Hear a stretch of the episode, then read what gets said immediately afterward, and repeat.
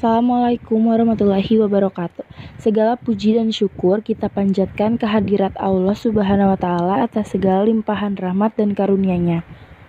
Salawat beserta salam semoga senantiasa terlimpah curahkan kepada Sayyidul Islam yakini Nabi Agung Muhammad Shallallahu Alaihi Wasallam yang telah membawa kita dari zaman kegelapan ke zaman yang terang benerang ini, yakini Adinul Islam.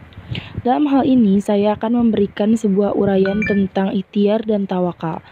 Dalam firman Allah yang berbunyi Innallaha la yughayyiru ma biqaumi hatta yughayyiru ma bi.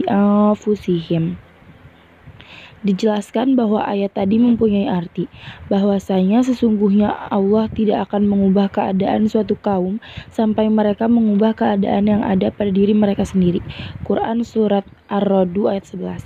Tetapi sebelum kita urai lebih lanjut perlu kita ketahui terlebih dahulu apa itu ikhtiar dan apa itu tawakal.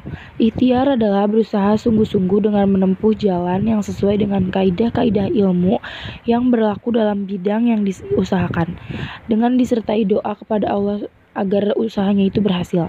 Dalam ikhtiar terkandung pesan takwa, yakini bagaimana kita menuntaskan masalah dengan mempertimbangkan pertama-tama apa yang baik menurut Islam dan kemudian menjadikannya sebagai pilihan apa pun konsekuensinya dan meskipun tidak populer atau terasa berat. Kemudian selanjutnya adalah tawakal. Tawakal secara bahasa berarti bersandar atau mempercayai diri. Dalam agama, tawakal adalah sikap bersandar dan mempercayai diri kepada Allah atau menyertakan sepenuhnya hasil ikhtiar tersebut kepada Allah.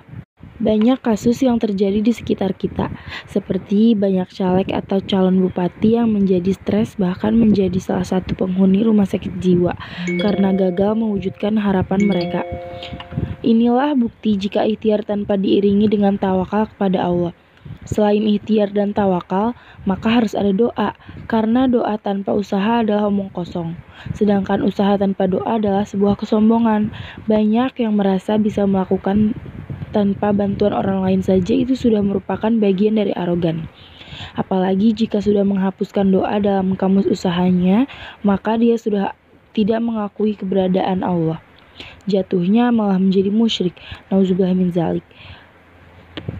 Rasulullah Shallallahu Alaihi Wasallam juga pernah mengalami keputusasaan, namun beliau langsung bangkit dari keputusasaannya. Ingat, keberhasilan seseorang bukan dilihat dari berapa banyak dia berhasil, tapi dilihat dari berapa banyak dia bangkit dari kegagalannya.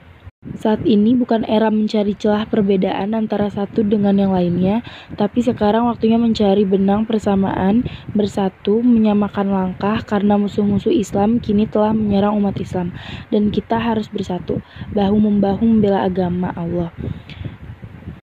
Jika semua berikhtiar, berdoa dan bertawakal kepada Allah Subhanahu wa taala dengan sungguh-sungguh, maka harapan suci itu akan terwujud.